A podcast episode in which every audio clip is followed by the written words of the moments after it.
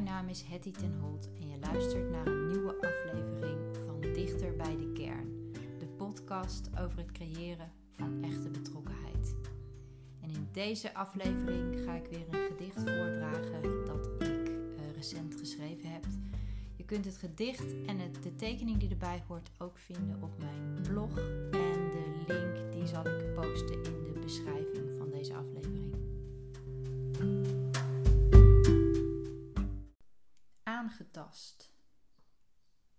Ik loop met grote bogen om de regels, om gezondheid, om de mensen heen.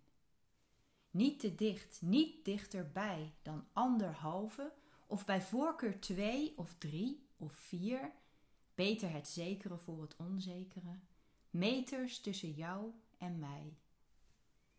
Ik blijf op gepaste afstand te pas en te onpas op mijn hoede voor wie ongepast in het midden van het pad passeert. Opgepast!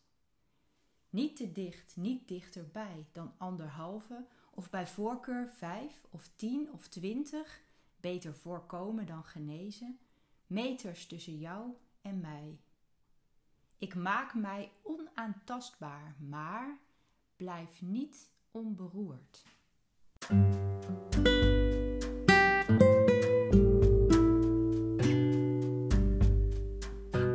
Dankjewel voor het luisteren, dat was het weer. Laat me weten wat je van deze aflevering vond en wat je nog meer zou willen horen. En dat kan onder meer door een voicemailbericht voor me achter te laten. Tot de volgende keer.